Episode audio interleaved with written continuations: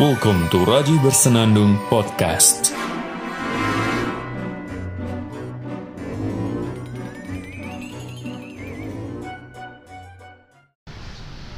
Selamat datang para pendengar setia podcast Raji Bersenandung.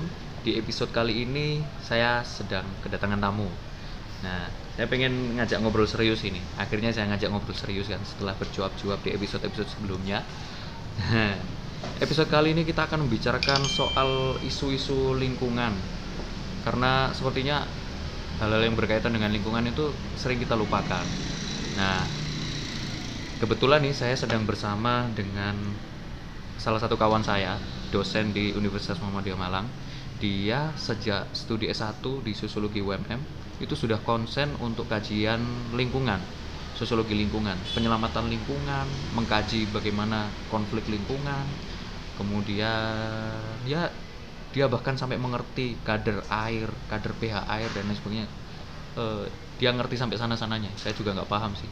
Tapi yang penting eh, kalau mau dijelaskan secara gamblang ya sepertinya ini saatnya gitu dan memang ada kesempatan untuk untuk bisa ngobrol ya nah ini saya bersama Mas Awan Oke, halo pendengar podcast Raji Bersenandung. silakan perkenalkan diri Mas Oke, nama saya Awan Setia Darmawan. Saat ini mengajar di Universitas Muhammadiyah Malang jurusan Sosiologi. S1 saya di Universitas Muhammadiyah Malang, S2 juga di Universitas Muhammadiyah Malang. Kebetulan mulai S1 saya concern memang di bidang lingkungan Hmm, kebetulan ya Mas Raji eh, skripsi saya yang S1 itu membahas mengenai konflik limbah Ya, konflik limbah konflik limbah di Kelurahan Ciptomulyo, Kecamatan Sukun, Kota Malang, Jawa Timur. Jadi ceritanya di situ ada pabrik kulit, dua pabrik kulit. Ya. Yang pertama PT Usaha Loka, yang kedua PT Kasir. Nah, Kedua kedua pabrik kulit ini berdirinya sekitar tahun 68 sampai 71. Kalau nggak salah kisaran seperti itu dan dan itu masyarakat belum belum ada memang. belum ada Belum. tapi pabriknya udah ada Pabrik udah ada, masyarakat belum ada. Nah, Permasalahan ini muncul atau diangkat ya. eh, Saya bicarakan timeline dulu ya. Hmm. Kalau di timeline skripsi saya, permasalahan ini muncul atau naik kembali pada tahun 2014. oh sih S2 nya tesisnya tentang S2 tetap sama tentang dinamika gerakan. dinamika gerakan Sosial masyarakat eh, gerakan iya. sosial yang di Iya. sana tempatnya sama berarti Tempatnya ya? sama, lokasinya Oh, sama, permasalahannya juga sama, tapi fokusnya ke arah dinamika gerakan. dinamika gerakan iya mungkin bisa dijelaskan soal timeline itu Untuk timeline skripsi, saya berbicara mengenai konflik itu bermula pada tahun 2014. Hal tersebut eh, menurut informan, menurut data-data lapangan yang saya dapat, kenapa kok gerakan itu muncul kembali? Hmm. Namanya adalah gerakan Aliansi Masyarakat Cipto Mulyo Peduli Lingkungan. Oh, ada Itu- yang inisiasi berarti ya? Ada Jelas. inisiasi. Itu muncul karena bertepatan dengan terpilihnya Pak Anton sebagai wali kota Malang. Oh gitu. Yang kebetulan beliau memiliki semboyan peduli wong cilik. Iya. Atau bahasa- berarti baru-baru aja ya? Mm-mm, baru Baru aja. tahun 2014 kemarin. Nah, sebenarnya gini, permasalahan itu sebenarnya ada permasalahan bahwa yang bikin saya tertarik untuk melihat di situ adalah bagaimana keadaan lingkungan itu sudah benar betul-betul tercemar Hmm. ya. baik dari ekosistem airnya, udara, bahkan sampai berdampak ke manusia. Iya. oh. Yang jadi aneh kenapa? Kok masyarakatnya itu tidak menunjukkan rasa ingin melawan, rasa ingin eh, berusaha untuk mengembalikan lingkungannya untuk jadi lebih baik. Iya. Mereka berarti kondisinya itu terima-terima aja. Mereka diam, mereka menerima, bahkan mereka ya biasa hidup seperti itu. Kalau boleh tahu efeknya sampai apa? Efek Efeknya. kalau ke manusia yang jelas infeksi saluran pernapasan akut itu yang pertama Itu dari dari Ya, dari, limbah itu. Dari bau limbah. Nah, limbah itu nanti efek ke lingkungannya kayak gimana? Oh, sebelum efek lingkungan, Hmm. kita masuk ke efek eh, eksternal dulu mungkin. Oh iya. Efeknya pertama manusia itu tadi ya. Oh, ha. Nah, ispa bahkan ada bayi yang baru lahir langsung terkena ispa. Hmm, waduh. Bahkan yang ekstrim apa Mas Raja? Besi di sana belum ada satu tahun itu sudah keropos. Hmm. Saya ada buktinya. Besi keropos. Itu ya, itu dari eksternal lingkungan, di luar lingkungan itu sendiri ya. Hmm. Di dalam lingkungan yang parah ada ya jelas kadar pH air lebih tinggi, melebihi ambang batas normal. Hmm. BOD, kadar kecerahan kejernihan itu. Oh. Nah, Oh, BOD itu. ya kenapa kok saya sampai tahu ya Hmm. karena jujur saya merasa kecewa juga dengan dinas lingkungan di kota Malang hmm. yang terkesan juga membiarkan permasalahan ini Iya. Ya, adanya permasalahan ini kan berarti bukti bahwasanya ini dibiarkan aja gitu. Ya, dan akhirnya atas inisiatif saya sendiri saya turun ke sungai itu sungai yang isinya limbah saya mengambil sampel air saya tes lab sendiri Oh, sampai tes lab ya? Sampai Wah, tes lab. greget. sampai tes lab oke sama seperti itu ya saya masuk di situ bahkan saya sampai nginep di rumah salah satu tokoh gerakan di masyarakat Hmm. nginep seminggu Seminggu ya lumayan ya. Saya tahu dari proses gimana kalau pagi masyarakat bangun. Dari bangun, bangun gimana saya lihat saya amati saya observasi masyarakat itu. Setiap bangun ya oke mereka sadar bahwa bau. Mereka bahkan sampai ya meludah bau nutup hidung. Hmm. tapi kok nggak ada gerakan itu kok nggak ada apa ya? Nah, keinginan untuk ayolah lingkungan ini kita ini rusak. Iya ya, iya. parah berarti. Hmm, maaf banget. Itu kita berbicara cuma di skup Malang dan Cipto Mulyo Sukun aja ya Iya. belum yang di luar Iya, belum masalah lingkungan yang lain ya. karena akhir-akhir kemarin kan lagi booming film seksi killer ya. Oh iya, oh, seksi killer. Oh. mengenai pertambangan Itu berkaitan banget sama lingkungan itu. Hmm. pasti Mas Raja sudah lihat kan? Sudah. dan jujur saya tahu film itu ya dari Mas Raja Aduh, wadidaw.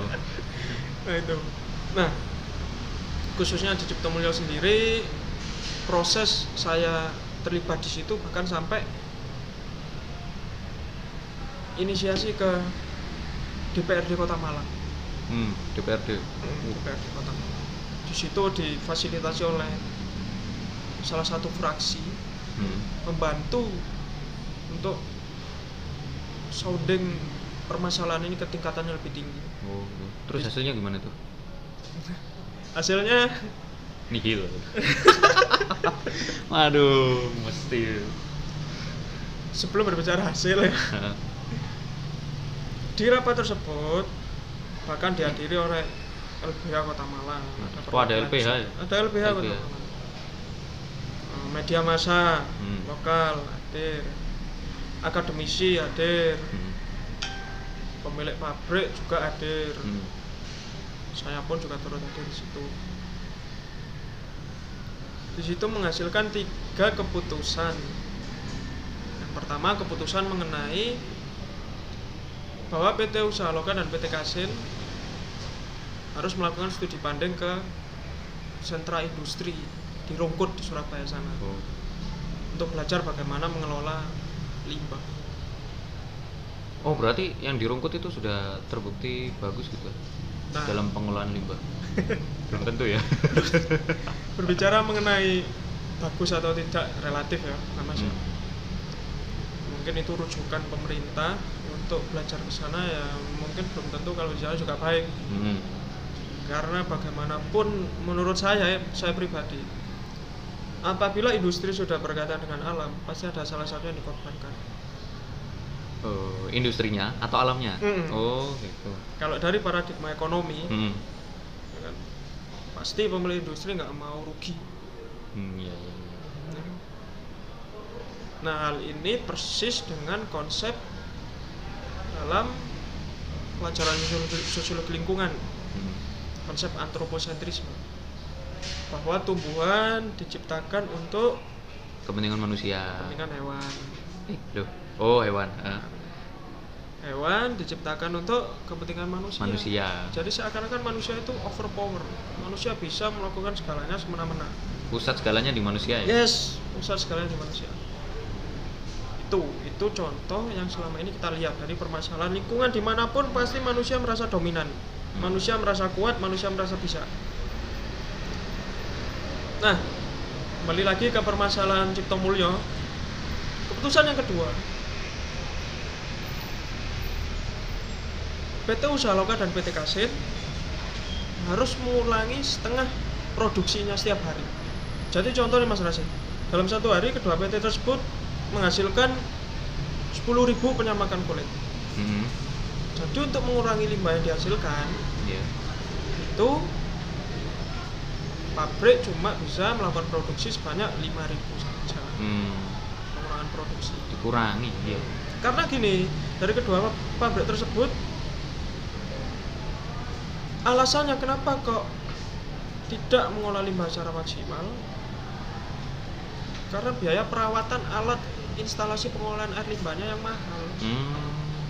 Jadi pabrik membuang itu tidak melalui proses pengolahan terlebih dahulu, wah tapi langsung ke sungai. Bayangkan loh Mas Langsung Raja. Langsung dibuang. Bayangkan di situ Cipto Mulyo ya. Langsung ngaliri ke Sungai Berantas. Hmm. Di Berantas kita nggak lihat apa ada orang-orang yang hidup di das daerah aliran sungai. oh iya bener Bahkan nyuci, nyuci di mandi. situ hmm. BAB misalnya Bahkan mungkin ada yang Minum. menanak nasi, bikin minum. Iya. Nah terus gimana? Ini ini benar-benar permasalahan yang bikin saya ya sakit hati, ya pusing, ya kecewa, terutama oleh pihak-pihak pembuat kebijakan. Dan keputusan yang ketiga, PT Kasin dan PT Usaha Loka itu bahkan dituntut untuk ini sounding ke warga dari warga ya. gimana itu maksudnya. Yang pertama tadi kan eh, belajar ke siar ya. hmm. Yang kedua mengurangi produksi. produksi Dan yang ketiga bahkan tutup. oh kalau bisa tutup Kalau bisa ditutup Hmm. itu tuntutan. Bahkan ada salah satu perwakilan warga Cipto Mulyo pada saat ketemu di ruang DPRD itu Hmm. kan sampai bilang gini Pak semisal ada alat perekam bau saya rekam bau itu saya bawa ke sini biar bapak-bapak tahu baunya bagaimana. Iya sampai seperti itu. Artinya ini sungai bener-bener bau banget deh makanya namanya kali, Kali. badek ya, badek dalam bahasa Indonesia artinya bau. Bau wah. Jadi gini Mas Raja. Saya penelitian di situ bareng sama teman saya fakultas hukum.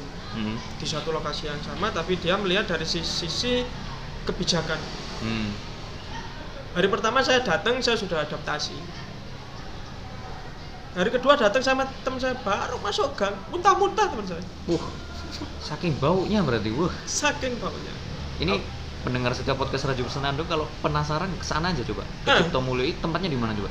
Di Cipto Mulyo Spesifiknya. Eh ancar-ancarnya mungkin. Flyover Mergosono. Heeh. ke arah apa penyembelian penyembelian jagal. Mm-mm. nah di situ nanti kanan jalan ada patung monyet ikonik banget Hmm. sebelah kanan itu gangnya baru kalau teman-teman setiap pendengar kesulitan menemukan di situ mungkin teman-teman bisa ke daerah industrinya di Comboran Oh. itu jauh dari lokasi tapi baunya sampai situ apalagi kalau hujan Malang kalau hujan banjir wis alamat Waduh. Sebenarnya aku juga penasaran itu bau badengnya itu kayak gimana. oke itu? nanti kapan-kapan tak ajak Uh, siap. Hmm. jadi itu ya dampaknya selain dampak lingkungan dampak di keharmonisan warga sendiri pun terpecah Hmm. jadi ada warga Cipto Mulyo ya sebagian warga itu ikut menentang juga masyarakat yang mau protes. protes ini. Oh gitu. Sehingga warga sekarang dibagi dua. Iya benar. Ada orang yang sepakat sama ini oh, mendukung perusahaan itu Mm-mm. sama pengen ngelawan si perusahaan Yes, ini. bener. wadidaw. Itu ya itu timeline dari skripsi saya yang pertama. Seperti Hmm. itu. Saya selesai kuliah S1 2014 langsung saya 2015 lanjut S2 hmm. dan akhirnya saya kok masih kepikiran sama kali badek ya. Hmm. ini saya putuskan tesis saya ngambil itu lagi tapi lebih ke lihat dinamika gerakan sosialnya. Hmm. dan yang bikin saya kaget pertama apa? Setelah saya sampai ternyata tetap bau. Oh. Jadi ketika keputusan tadi tidak dilaksanakan. Tidak. Jadi nggak ada hasil dari enggak enggak enggak ada hasil nol. Audiensi ke DPRD nggak ada hasilnya ya? Nol jangan-jangan sampai sekarang itu badek ya? Wah. Terakhir kan saya lewat situ tahun ya 2019 ya pokoknya sebelum Hmm. masuk ini masih bau. Masih bau? Bau. parah banget ya. Parah. Parah banget. 2015 saya datang timeline yang kedua. Hmm. saya aktif turun lapangan lagi tahun 2016 mulai turun lapangan. Tapi saya cuma berfokus pada dinamika gerakan sosialnya saja Hmm. Karena saya eh, tertarik kenapa kok hal ini seperti menjawab pertanyaan saya dari skripsi kenapa kok warga itu kok nggak nggak ada greget. kesadaran nggak greget ternyata terjawab di tesis saya oh kayak gimana berarti ceritanya nah iya kan dinamika kan Ah, ya ah. iya. gerakan pertama muncul pada tahun 2001 Ah. namanya Forum Cipto Mulyo Peduli Lingkungan. Hmm. itu diketuai oleh salah satu orang di sana. Dan kebetulan pada waktu gerakan pertama itu muncul wah dukungan masyarakat banyak. Booming banget. Hmm. tapi cuma sampai 2004 saja. Waduh emang nih sayang sekali tuh. selama tiga tahun itu tidak ada aksi yang benar-benar hmm, konkret sampai ngelawan. konkret bener bener nggak sampai konkret. Berarti Berarti- ngapain aja diskusi diskusi kumpul-kumpul bahas kumpul. ini tuh Iya, menyiksa kita dan lain sebagainya yes gitu ah. di ranah Waduh. ranah diskusi masih tiga tahun Hmm. di level eksekusi tidak ya di level eksekusi enggak. tapi selama tiga tahun itu pabrik mencium gerak geriknya hmm. jadi contoh nih saya ibaratkan ada 10 orang yang aktif ya. pabrik milih dari 10 orang ini siapa yang bisa disumpel dalam tanda kutip ya sumpel mulutnya. Disumpel mulutnya wow contoh. Ada yang dikasih beasiswa anaknya. Hmm. akhirnya jadi tutup mulut Hmm, pinter. Akhirnya yang tadinya kontra dan apa akhirnya pro mendukung. Terus ada yang diangkat jadi karyawan. Satpam ya gitulah kita. Mas Rasya juga sama-sama belajar sosiologi ya kan? Iya. Realitas sosial itu tidak selalu sesuai dengan apa yang ada di buku kan bagaimana dengan begitu mudahnya loh tiga Iya. tahun dirontokin sama uang iya pabrik Disumpel. kreatif ya umas ya umas umasnya wah iya umasnya pinter Masnya ya. pabrik katanya biasanya kan. Nah, itu berhenti pada tahun 2004. Terus aktif lagi 2014 tadi. hmm. Iya pas Abah Anton itu ya Yes, benar. Itu dirasa ada momentum dan kebetulan ada salah satu pendatang warga yang sadar ya pada waktu itu Hmm. bahwa kenapa ya lingkungan saya ini seperti ini tapi kok oke lah saya inisiasi akhirnya naik lagi 2014 Hmm. dan sebelum 2014 akhir jadi gini 2014 gerakan muncul kembali berusaha mencari masa yang banyak ya Hmm. dan warga sekitar sudah nggak mau ikut campur karena sudah nggak percaya oh gitu karena dampak dari gerakan pertama tadi digembosi Trauma ya? yes trauma atau trauma karena orang-orang yang ada di gerakan pertama itu ya gembosin Ya, dari dalam yes benar iya karena mereka di ditapuk pakai uang cepak Ah, ah. kalau Mas Raja pakai bahasa ditapuk saya pakai disumpel ya. ya padahal. Ya, itu ya meng- mengumpulkan warga itu susah terus warga itu saya dulu pernah keliling sampai meminta tanda tangan ya kayak petisi gitu Hmm. kalau sekarang kan online dengan jam sonok langsung tapi kalau saya dulu keliling ke rumah minta tanda tangan Satu-satu. Hmm. Hmm. dan tanda tangannya banyak mas banyak tanda tangannya tapi pada waktu kumpul nol gak ada yang hadir Nol nggak ada yang hadir. gak ada Formalitas aja. Mm-mm. saya juga niatnya membantu saya ini pihak dari luar saya punya niatan untuk membantu bagaimana untuk memulihkan keadaan lingkungan seperti itu ya Hmm. tapi apa yang saya terima di sana ternyata berbanding ter- terbalik Iya. tetapi itu tidak membuat saya putus asa buktinya pada tahun 2000 2017 saya kembali lagi ke situ Hmm. Dan masih bau. dan masih jadi gerakan timelinenya seperti 2000 2001 muncul 2004 tenggelam bisa dikatakan kalau di teori gerakan sosial itu ada namanya istilah shadow movement Gerakan bay- bayangan. ya gerakan bayangan ini ya bisa kita simpulkan ya ya pabrik tadi gembos Wih. Ini kaum kapitalis ya. Kalau kita pelajari. Iya, mereka masuk kaum kapitalis kreatif ya mereka itu. Dengan duit semuanya bungkam. Iya, sebenarnya permasalahan nggak cuma permasalahan lingkungan, ya permasalahan sosial yang lain pasti banyak ya di Mhm. Indonesia. Tapi mungkin yang bisa saya sampaikan buat para pendengar pendengar setia podcastnya Ransu Bersenandung, pekalah terhadap lingkungan sekitar terlebih dahulu. Ya. Semisal di sekitar ada permasalahan mengenai kesejahteraan sosial. Kalau memang dirasa kita mampu di level itu ya kita turun dulu situ. Hmm. Jangan langsung berpikir, oh aku pengen ke Tambang ke Kalimantan, Iya. aku pengen ke Freeport mengembalikan lingkungan jangan jangan dulu. Jauh-jauh ke sono. Ya, Lingkungan sekitar dia nggak keurus. ya itu karena gimana ya? Kalau berbicara suka duka, ya pasti banyak dukanya sih. Sampai dulu diadang preman mau masuk, mas ngapain? Lo saya mau penelitian. Beri- Mau masuk area pabrik itu Heeh. diadang. diadang preman saya mau mau penelitian saya dari UMN kebetulan sebelumnya ada mahasiswa dari UB Hmm. yang ketemu preman ditolak Diadang juga. ya. diadang kebetulan mahasiswa mahasiswa nih cewek mahasiswi Hmm. kalau saya perspektifnya loh ngapain preman menghalangi ya, loh, saya di situ datang ya baik-baik saya datang ya sendiri Hmm. saya datang ya nggak bawa seluruh UMM ke sana ya enggak Iya, nggak bawa polisi Iya, juga. nggak bawa polisi jadi sweeping dulu keras mas Hmm. Oh, parah. Terus gitunya. Nah, bahkan sebenarnya ada satu cerita yang masih tak simpen sampai sekarang ya, tapi nggak apa-apa saya Gak apa ini? di sini ya. Apa-apa. publik nih gak apa-apa ini. Nggak apa-apa. Jadi salah satu trusted people yang saya kenal, yang saya percaya di situ, akhirnya ikut menghalangi saya juga untuk masuk ke sana. Waduh. Kenapa dia? Dia jangan-jangan sudah masuk. Hmm, prediksi saya pertama seperti itu. Hmm. Ini orang yang Tadinya dukung banget. orang bahkan orang kunci ini Hmm.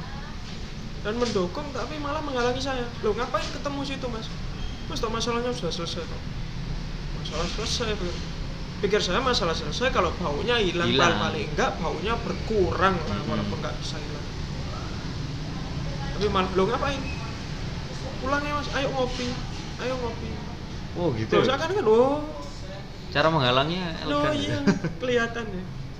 Kelihatan. Nah dari situ makanya saya kok concern terhadap permasalahan ini. Tapi saya pribadi saya masih pengennya ya paling enggak Cipto Mulyo ini baunya berkurang ya. Karena itu yang saya pengen. Jadi alhamdulillah sekarang saya sudah jadi dosen mengajar di UMM. Jadi ibarat kata saya sudah punya ya meningkat lah daripada dulu yang saya mahasiswa ya. Hmm. saya harapkan dengan apa yang fasilitas dari UMM punya itu benar-benar bisa membantu saya karena dulu pas waktu mahasiswa ya ada yang cuma titip nama dalam tanda kutip. Ikut aja. Mahasiswa gitu. Nah itu jadi ke depannya mungkin insya Allah saya akan lebih concern ke ke lingkungan. Lingkungan tapi kemarin disarankan oleh salah satu dosen senior ya lihat jangan sama kebakarannya harus beda. Hmm, Jadi saya- karena kebakaran lingkungan juga sebenarnya sudah ada. Mm-mm, karena dan kebetulan senior dosen senior kami di sini ya. Kan Hmm. UMM dan akhirnya ya saya lihatnya dari sisi konflik. Tapi tetap tetap saya masih belajar bagaimana sih lingkungan itu dalam kajian sosiologi. Memang kalau berbicara lingkungan ya nggak semudah kita membalikkan telapak tangan. Contoh mengenai ekosistem sungai tadi. Oke lah semisal baunya hilang. Tapi butuh waktu berapa tahun kita untuk mengembalikan ekosistem sungai tadi? Iya. kadar air Hmm. biotanya iya. Hal seperti itu kan harus dipikirkan. Oke lah, makanya. Dua paradigma mengenai ekonomi dan paradigma konservatif lingkungan itu sulit untuk berpadu kalau menurut saya mas. Hmm. karena eh? ya sulit soalnya salah satunya memang harus dikorbankan sih. Ya benar. Korbankan dari paradigma ekonomi yang dicari jelas ya keuntungan? Hmm, jelas keuntungan. Apalagi ini korporasi ya. Mm-mm, berbicara korporasi. Mereka pasti mikirnya yang penting aku untung banyak. Yes. keluarnya dikit. Yes. Pengeluaran dikit jelas. Untuk mengolah limbah aja mereka nggak mau beli alatnya yes, gitu. yes, benar-benar katanya mahal ya. Mahal, Mahal. untuk pengelolaannya mahal tapi traffic bisnisnya sudah sampai luar negeri Hmm. PT Usaha Lokal sama PT Kasih oh iya kalau udah sampai luar negeri kan berarti duitnya banyak. Lah ya logikanya Berarti- seperti itu. Mm-mm. untuk hal seperti ini kan bisa sebenarnya. Iya. ditangani mereka bisa bolehlah mereka untuk operasional perusahaannya seperti itu. Memang tidak bisa dipungkiri ada limbah. Ya tapi ya diolah dengan baik. Ada Iya. alatnya kan. Ada lah nah ini asal buang aja ke sungai. Emang sungai ini punya anda sendiri kan ini punya publik oke apalagi kan bersinggungan dengan alam langsung ya. Mm-mm. apa perusahaan nggak lihat orang yang di daerah aliran sungai pinggiran hidup gitu ya makan nyuci minum Iya. anaknya mandi di situ Mm. sekarang kalau saya lihat musuh orang yang hidup di daerah daerah sungai bukan buaya mas. Bukan buaya ya orang sendiri. Iya. Manusia itu sendiri. manusia sendiri polusi yang mereka bikin ini. Mm-mm. bukan buaya Mas. iya ya. beralih ya. Mungkin untuk ke depannya saya masih akan menjaga silaturahmi dengan warga Cipto Mulyo Heeh. saya nggak mau juga dipandang sebagai orang yang oh setelah selesai ya, Pragmatis. ya pragmatis karena saya memang concern di situ dan saya ingin kebetulan saya tinggal di Malang saya pengen wajah Malang ini di mata-mata pendatang itu nggak macet nggak bau usia lingkungannya itu bersih asri. Jadi Benar. jadi nggak cuma di poros kota aja asri asri. Hmm. pilihan coba melebar ke daerah industri bagaimana kan? Belum lagi ke pabrik-pabrik di Lawang Gadang. Iya. Ya. Mergosono bagaimana rumah sakit sendiri kan rumah sakit RSS kan Heeh. dulu kan sempat kena isu-isu kan? Iya Uang limbah. limbahnya ya, lumayan ya. Di uang limbah hasil kan disuruh. Nah, seperti itu nggak apa. Oke monggo mungkin ya harusnya area yang asri itu merata ya. Ya nah karena kalau nggak salah ruang terbuka hijau menurut undang-undang itu diatur paling nggak itu tiga persen atau 8 persen dari setiap kota paling tidak. Paling tidak. Berarti kalau keseluruhan nggak apa-apa kan kalau nasi manggon. Ya sih. Yang yang bikin heran itu adalah tidak ada tindakan tindakan konkret dari warganya. Warganya tindakannya ya kayak gitulah setelah kita dengar cerita dari Mas Awan tadi. Kayak gitu ternyata. Kemudian dari pemerintah juga tidak ada. Padahal power terbesar kan ada di pemerintah. Yes pemerintah bisa jadi punya punya wewenang untuk menutup pabrik itu gitu. bisa kan? bisa bisa punya. Bisa banget. Bisa tapi justru yang punya power besar ini adalah pabriknya. Mereka ada power power the power of money itu. The power of money ketika money berbicara ya semuanya bisa terlaksana. Yang tadinya kun fayakun itu dimiliki Tuhan jadi milik miliknya perusahaan, Perusahaan. karena ada duit cetis waduh. Oke. Ya ini susah. Susah memang benar. Nah sekali lagi kita manusia ya setiap setiap individu berhak untuk hidup atau mendapatkan lingkungan yang layak Mm-mm. haknya ya makanya diatur di undang-undang ya kan atas lingkungan hidup.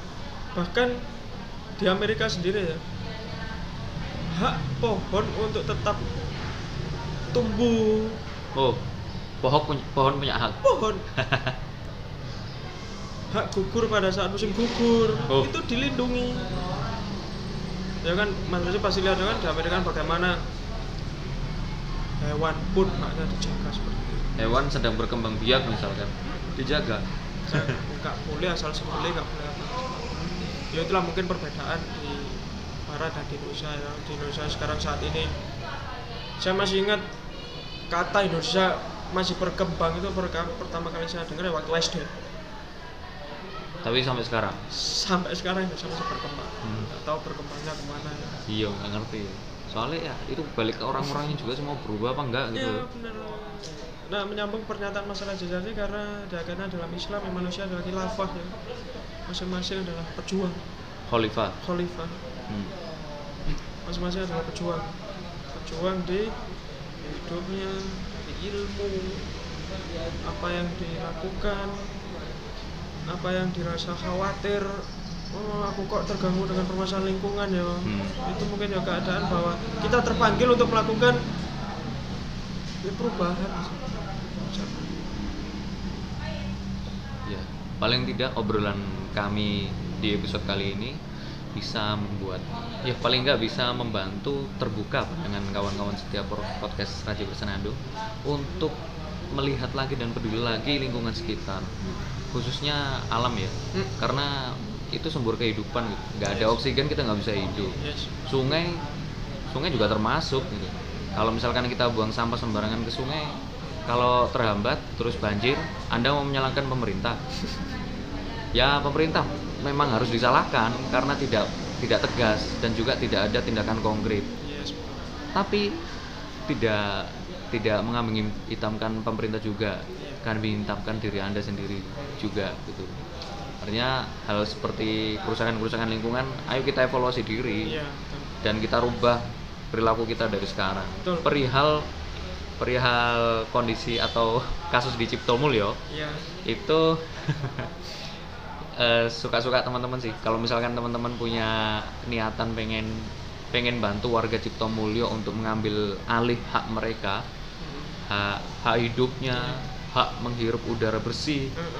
Eh, menikmati aliran air yang bersih, ya silakan, silakan dibantu. Kami hanya sekedar membantu menginformasikan bahwasanya di salah satu sudut kota Malang itu masih ada pencemaran lingkungan dan masih ada ketimpangan yang terjadi antara orang-orang yang punya perusahaan dan juga warga asli yang tidak memiliki perusahaan itu. Ya, dan perusahaan melakukan eh, melakukan penganiayaan penganiayaan bukan sih itu bahasanya Diskriminasi. diskriminasi atau Diskriminasi lingkungan. semacam ya mereka membuat kerusakan lingkungan secara semena-mena Ya. dan itu merugikan orang banyak seperti itu sih biar pada sadar semuanya kalau nggak percaya cari aja itu di map Cipto Mulyo atau seperti yang penjelasan Mas Awan tadi silakan Mungkin menambahkan sedikit ya tadi kan saya Hmm. bicara paham mengenai antroposentrisme, Hmm. Terus muncul tandingannya yaitu biosentrisme. biosentris menempatkan bahwa alam, makhluk hidup dan seisinya itu memiliki hak yang sama seperti seperti manusia. Jadi kita sebisa mungkin saya pribadi menghargai apa yang sudah alam berikan, menjaga apa yang sudah alam berikan. Sebisa mungkin ayo teman-teman yang tadinya belum buang sampah dengan tertib, ayolah buang sampah di tempatnya. Jangan biasakan buang-buang sampah, khususnya ini teman-teman yang kos mungkin ya. Hmm, wah ini.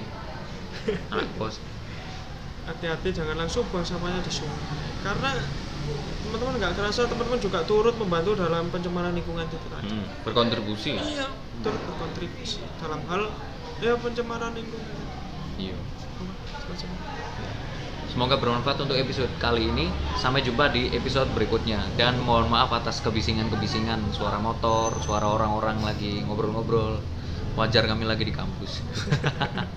Terima kasih sampai jumpa di episode berikutnya. Podcast